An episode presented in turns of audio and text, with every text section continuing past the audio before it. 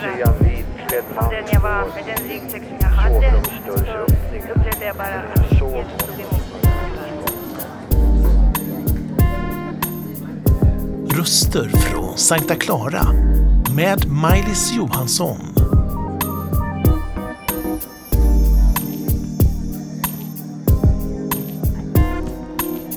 Välkommen till Sankta Clara kyrka och vi ska intervjua på nytt en ny serie.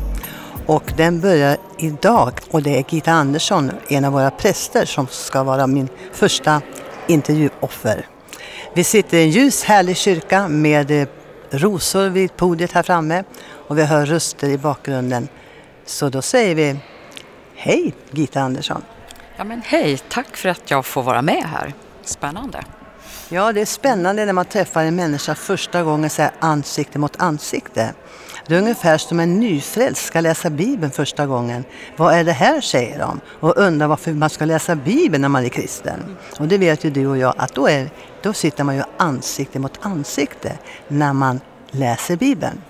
Du läser Bibeln, men du är inte Bibeln. Men du är Bibelns frukt. För du kan predika, eller hur? Ja, jag tycker om att predika. Det är en glädje att få ge evangeliet vidare till människor. Både för den som har varit med länge och för den som är helt ny. Det är en glädje. Det märks också.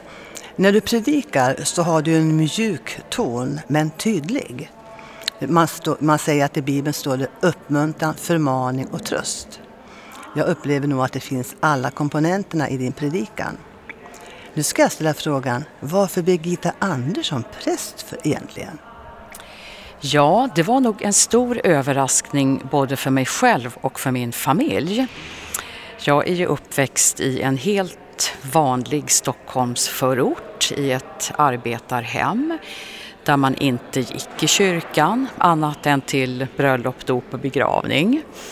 Det var arbete, arbete och arbete som gällde i det hemmet och några samtal om religion förekom inte utan snarare var det nog så att om det någon gång kom på tal så kunde jag förnimma att det här var någonting konstigt, kanske obegripligt det här med kyrka och religion. Utan det var nog snarare så att det var i småskolan som jag först fick möta på riktigt kristendomen och Bibeln och förstå eller börja ana vem Jesus var och är. Så det var via skolan. För mig att höra namnet Jesus, det är fullkomligt det ordet. Och när du säger Jesus så är det också en sorg i hjärtat när man intervjuar en som tror på Jesus. För skolan säger Nej, ja, vi har ju lite grann med Jesus. Ja. Barn vet inte idag vem Jesus är. Vilket förslag har du till mig och oss som lyssnar?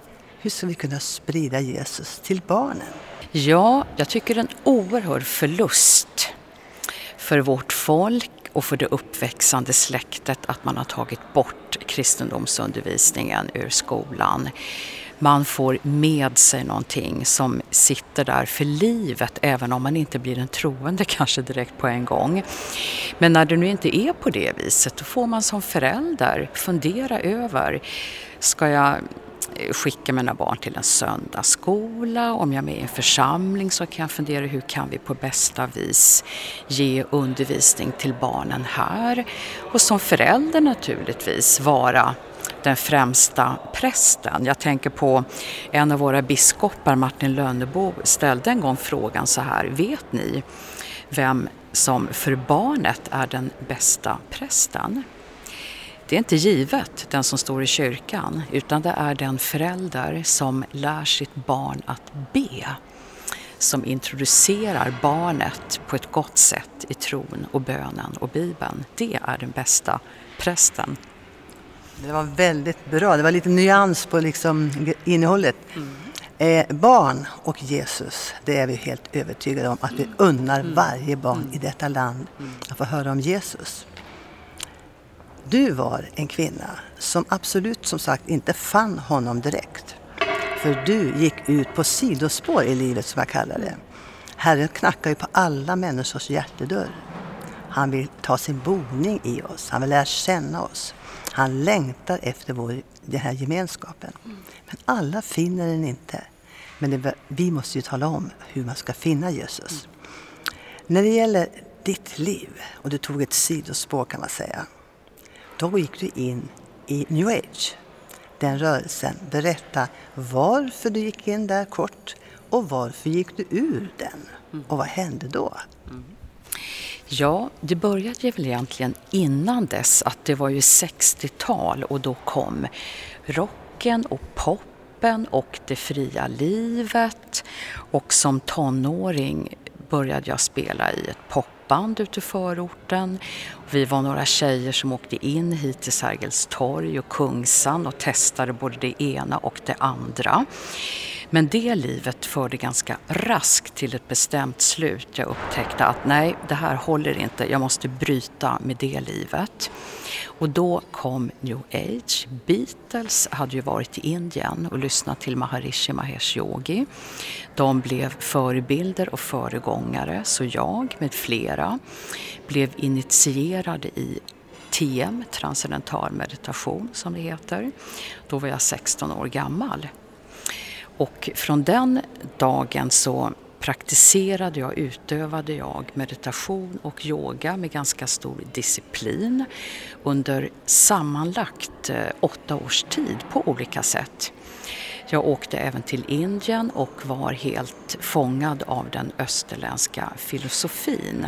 Den andligheten tyckte att den gick mycket djupare än det här lite torra, trista som fanns här i västerlandet och kristendomen. Men någonting hände i Indien när jag var där.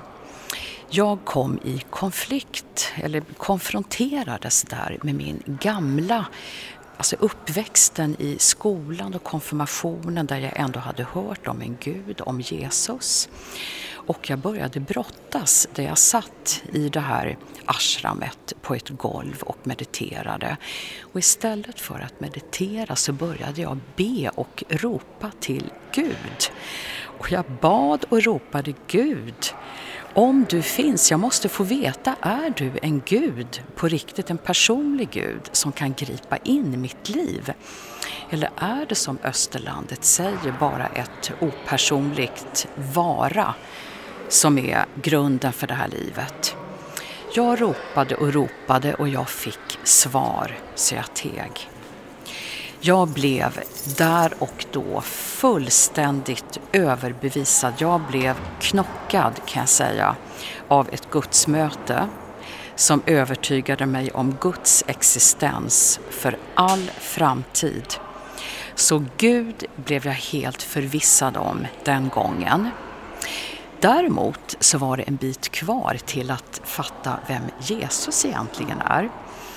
Och det föll sig så att jag började läsa religionshistoria och tyckte allt det här var så spännande så att jag tänkte jag ska bli lärare i religion. Men på den vägen så mötte jag andra kristna, de som skulle läsa teologi. Jag konfronterades återigen med Bibeln, med Jesus och hela den kristna tron på nytt i vuxen ålder. Och då kom jag återigen in i en brottningskamp och den här gången var det Jesus det handlade om. Jag kunde acceptera att Jesus var en god lärare, en otroligt fin vishetslärare, men att han skulle ha dött för våra synder, att han var Guds son och uppstått från de döda, det kunde jag inte greppa med mitt förnuft. Tills jag fick i min hand en bok som jag här just nu har i min hand som heter En rysk pilgrimsberättelse. Det handlar om en person, en sökare, som ville få svar på frågan hur ska jag göra för att bedja oavlåtligen som det står i Bibeln.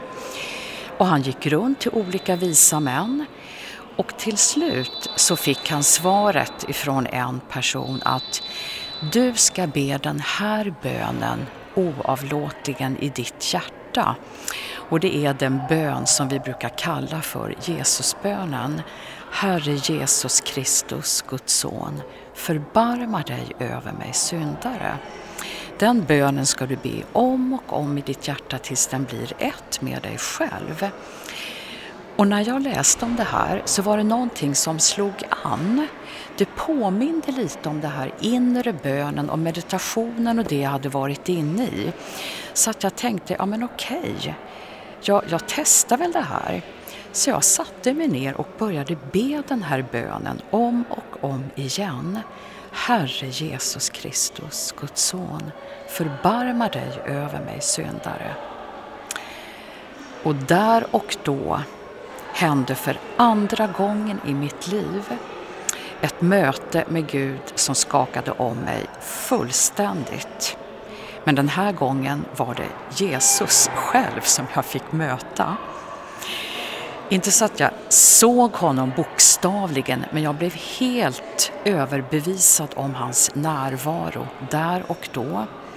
Alla intellektuella hinder som jag hade haft föll pladask som ett korthus till marken. Hela den kristna tron öppnade sig.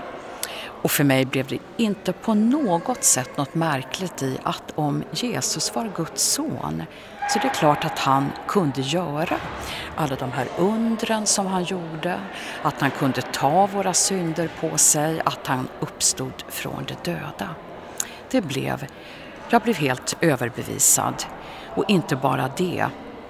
Bibeln, som jag dit intills hade haft en distans till och som jag hade lite grann satt mig över och tolkade på mitt sätt och eh, ja, tänk det här är en lite torr och trist lunta ungefär. Också den öppnade sig för mig i och med det här mötet med Jesus själv. Det var som hela tron och hela Bibeln plötsligt öppnade sig och varje sida i Bibeln plötsligt lyste av helighet. Så från den dagen kan jag säga började min kristna vandring. Och jag kan inte se det på annat sätt än att det var en helige ande som överbevisade mig. För jag kunde inte i mitt eget förstånd omfatta det här. Utan anden fick bevisa. Gita Andersson, är det någon som har visat Jesus så är det väldigt förvånansvärt. Du har alltså kommit till Sankta Clara kyrka som präst. I den här kyrkan så brukar jag säga får Jesus plats. Varför är kyrkorna tom brukar jag säga. För här är det fullspikat på gudstjänsten klockan 11. Mm. Är det Jesus som är vägen, sanningen och livet? Ja, säger du naturligtvis efter det här samtalet. Och du har överbevisat mig att du har sagt är levande. Och jag tackar dig för ett vittnesbörd ifrån himlen där Jesus säger själv, han knackar på vår hjärtedörr. Och han knackade så hårt och så mjukt och så kärleksfullt, alla komponenter du kan hitta på. Men han knackade. Och du sa kom in. Alltså, hur blev du född på nytt? Kort, var det genom hela de här två uppenbarelserna? Eller var det att du sa Jesus ta din boning i mig? Alltså för min del var det nog så att Gud hade sitt sätt med mig. Jag tror att han har unik väg för varje människa. Och jag behövde den här långa processen, de här två mötena för att jag till sist skulle kunna ta emot Jesus. Och i mitt fall så blev det den här Jesusbönen som vände fullständigt för mig i relationen till Jesus. Sen kan man säga att det tredje steget var ju att jag successivt också fick en kunskap och en erfarenhet vad eller vem den helige Ande är. Så man kan säga Gud Fadern, Sonen och Anden fick jag steg för steg uppenbarat för mig. Och jag tror att det här är livsviktig kunskap som kyrkan har att förvalta och inte på något sätt förminska eller reducera ner det här med tron på Jesus. Den är verkligen i mitten, den är i centrum. Och jag tror att det är därför som människor kommer till Klara kyrka också, för att Jesus är i centrum. Och jag säger som Paulus sa i brevet till Filipperna i jämförelse med Jesus. Jag kastar allt det andra på sophögen. Tack Gita Andersson och det här är som sagt en präst som vet vad Jesus är. Det är ett som är säkert. Tack ska du ha. Tack själv för att fick vara med. Har denna berättelse berört dig på något sätt? Eller kanske vill du att vi ber för dig? Kontakta oss på info snabel-a sverigeskristnaradio.se